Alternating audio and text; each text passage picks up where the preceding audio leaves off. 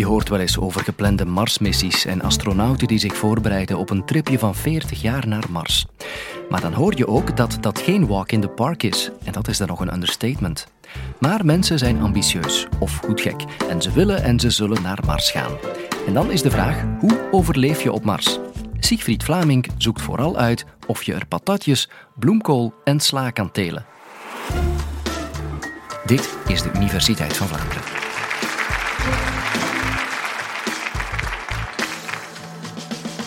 Elon Musk die is de baas van Tesla, maar die is ook de CEO van SpaceX. En die gaat met SpaceX in drie jaar naar Mars, dat heeft hij gezegd, om daar wat materiaal naartoe te brengen. En twee jaar daarna gaat hij mensen daar naartoe brengen. Nu, Elon Musk is goed in transport en logistiek, maar die mensen komen daar en die gaan daar moeten overleven. Die gaan daar een Marskolonie moeten starten. Hoe doe je dat? Bon, we hebben het vandaag over vitale functies, basisfuncties, over overleven, over ademen, over drinken en over eten. We hebben het niet over luxe, niet over comfort, niet over psychologisch welzijn. De basis. We hebben het over de basis. Laten we even kijken hoe we dat doen op aarde en vergelijken wat die omstandigheden zijn op Mars. Ten eerste, als het gaat over water, wonen wij op de blauwe planeet. We hebben hier een grote watercyclus en die gaat over de wolken en we hebben zoetwater, die komt via de neerslag tot ons. Dus we komen makkelijk aan zoetwater. Hier is dat dus geen probleem. Kijken we naar Mars, het is een rode planeet. Het is daar stoffig, er zijn daar heel veel gesteenten, het is er ook heel koud, maar het goede nieuws is dat er wel water is op Mars. Grotendeels bevroren, grotendeels in de poolkappen, maar er is water. Laten we nu even kijken naar de atmosfeer. Een atmosfeer voor ons mensen die moet adembaar zijn. Dat wil zeggen voldoende zuurstof en niet te veel CO2. Op aarde 21% zuurstof, dat lukt zeer goed. En CO2, er is wel global warming, maar in termen van toxiciteit is die zeer laag voor ons. Op Mars net het omgekeerde. Die atmosfeer is bijna volledig CO2. Daar kunnen we niet ademen, dat is direct toxisch. En er is amper zuurstof. Dus daar zitten we al met een uitdaging. We gaan dus naar gasdichte pakken moeten gaan. We gaan naar op druk gezette cabines moeten gaan om daar rustig te kunnen ademen en die zuurstof tot ons te kunnen krijgen. Nu, de derde uitdaging die is zelfs nog groter. Spreken we over voedsel. Onze aarde, van ver gezien, heeft heel wat groene zones dat is een stukje natuur en dat is een stuk landbouw. Daar kweken wij van alles en nog wat om ons te voeden.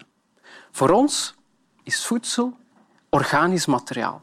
Organisch wil zeggen dat het van een organisme komt. Met andere woorden, planten, dieren, microben. Nu, het slechte nieuws is dat op Mars tot nu toe geen enkel leven ontdekt is. Er is dus ook geen organisch materiaal, er is daar geen voedsel. We gaan dus ofwel voedsel moeten meenemen, maar dat is niet zo'n goed idee. Of voedsel daar maken. En daar gaan we dan uiteindelijk tot komen. Goed. In de ruimtevaart hebben we bepaalde uitdagingen op Mars, op de maan, overal in de ruimte en ook in het internationaal ruimtestation ISS. En we hebben daar al een aantal oplossingen die momenteel in gang zijn. Als we spreken over dat ademen, daar kunnen ze zeer goed dat luchtdicht afsluiten, daar zuurstof voorzien en die CO2 wegnemen. Dat lukt al goed. Op vlak van water zijn ze ook goed bezig. Dat water wordt al gerecycleerd. Met andere woorden, de astronauten die scheiden water uit via urine, via de adem. Er zijn daar toestellen die dat capteren. urine is niet zo moeilijk, uiteraard, maar die ook het water uit de adem capteren. Die dat gaan zuiveren terug tot proper water, zodat die astronaut in feite elke dag dezelfde koffie kan zetten. Dus dat water blijft in de cyclus. Het derde is het voedsel in het ISS en dat is niet zo'n duurzame benadering in die zin dat dat een heel lineaire benadering is. Ik noem dat het Bofrost-model.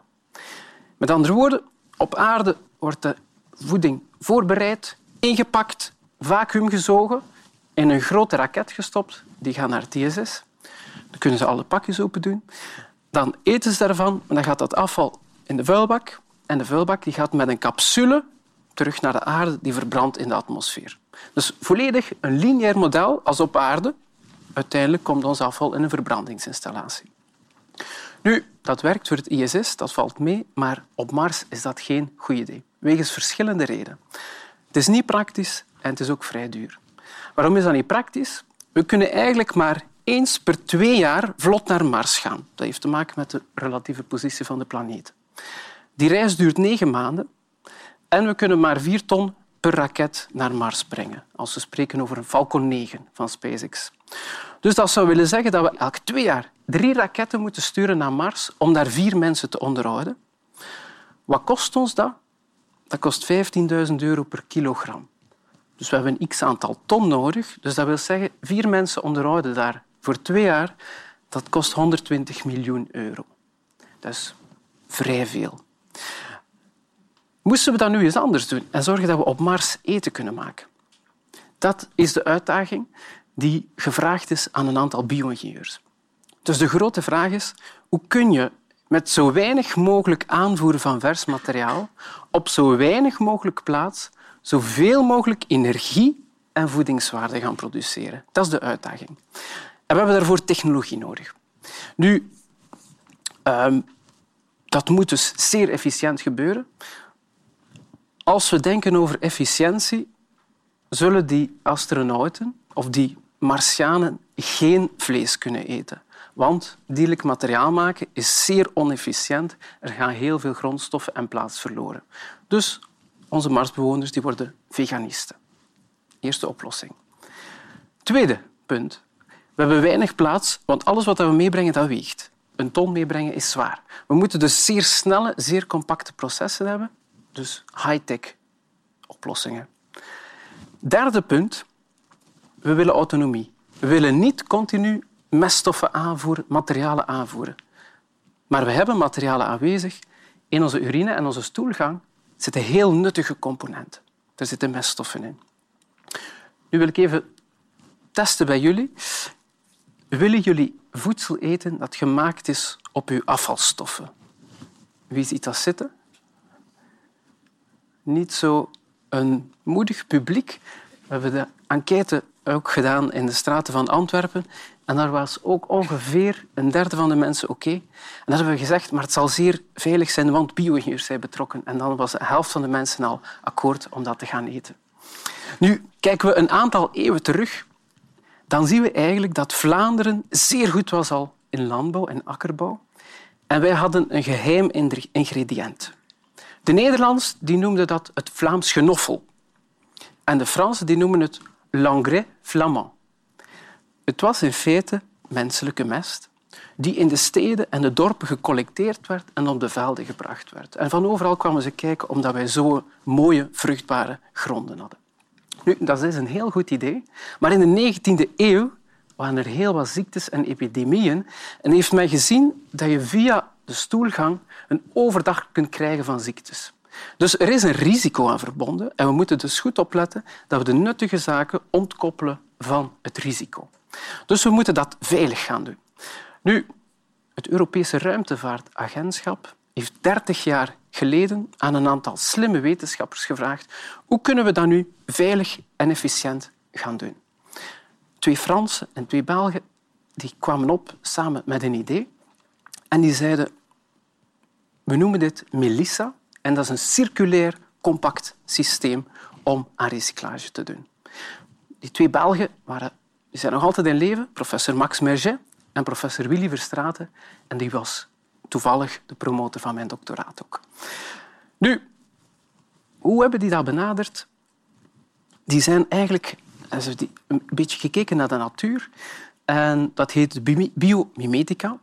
Die hebben inspiratie opgedaan in de natuur en gekeken naar een meerecosysteem. Dat meer dat staat op zich. Dat is volledig circulair, zelfvoorzienend. Het enige dat binnenkomt is het licht van de zon. Wat gebeurt er? Die vissen eten algeplanten, die vissen scheiden afvalstoffen uit. De bacteriën zetten dat om terug in kleine componenten en meststoffen, die planten. En die algen groeien daarop en die vissen kunnen dat terug eten. Zo is die cyclus rond. Nu moeten we dat gaan toepassen binnen een high-tech uh, oplossing. Hoe gaan we dat gaan doen? Die technologie komt nu centraal te staan. Als het over planten gaat, gaan we die hydroponisch groeien. Dat wil zeggen met de wortelen in een vloeibare oplossing, niet in de grond. En als het over bacteriën gaat, dan gaan we dat in een bioreactor doen. En een bioreactor is niets anders dan een vat waar een biologische reactie in optreedt. Heel goed gecontroleerd. Goed, gaan we nu even door Melissa wandelen en we beginnen bij de afvalstromen die beschikbaar zijn. We hebben ten eerste keukenresten, we hebben oogstresten en wat de astronaut direct produceert, fecaal materiaal, stoelgang en urine. Die zitten vol nuttige componenten en we brengen dat in de eerste bioreactor.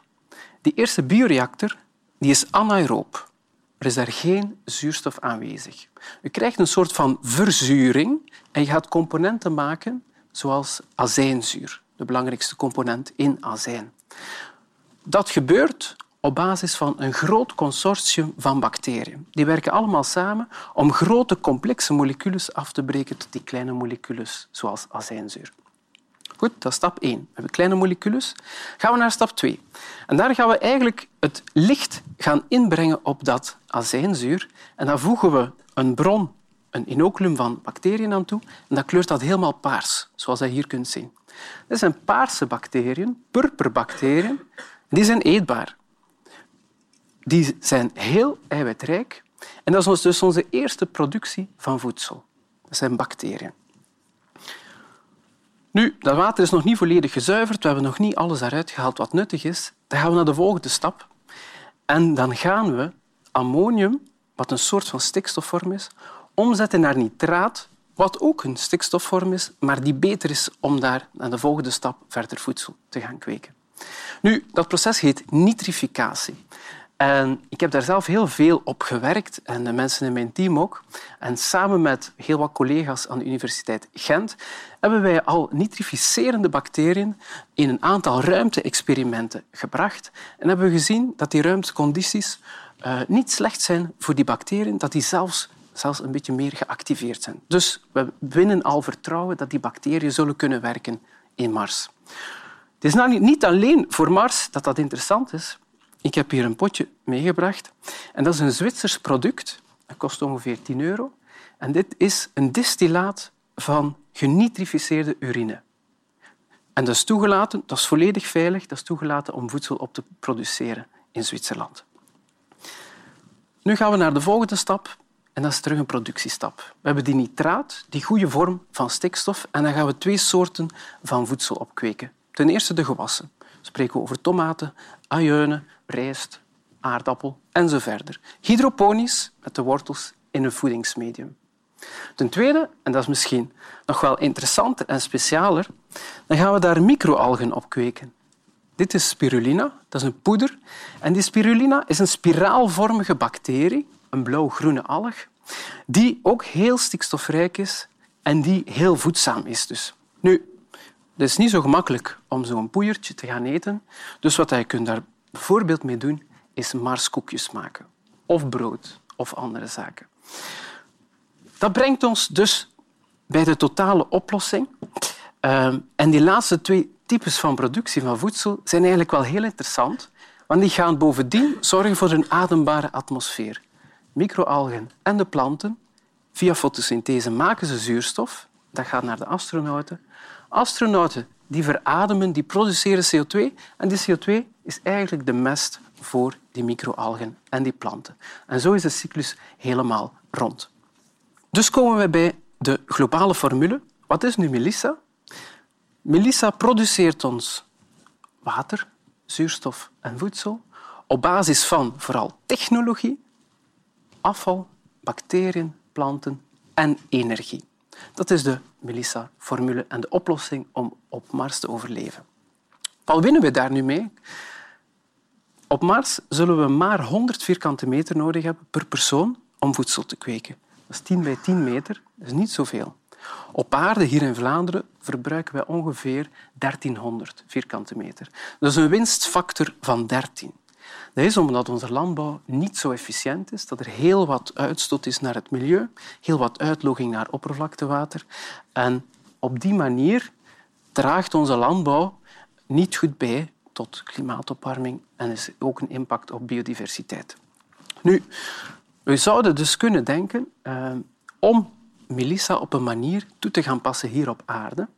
En op die manier de draagkracht van de aarde te verbeteren. En dat zou bijvoorbeeld voor Vlaanderen in theorie betekenen dat wij vier keer meer natuur rond ons hebben als wij onze landbouw op een Melissa-achtige benadering zouden stoelen. Dus ik kom terug op de vraag hoe overleef je op Mars? Ten eerste, ik zou Melissa meenemen aan boord.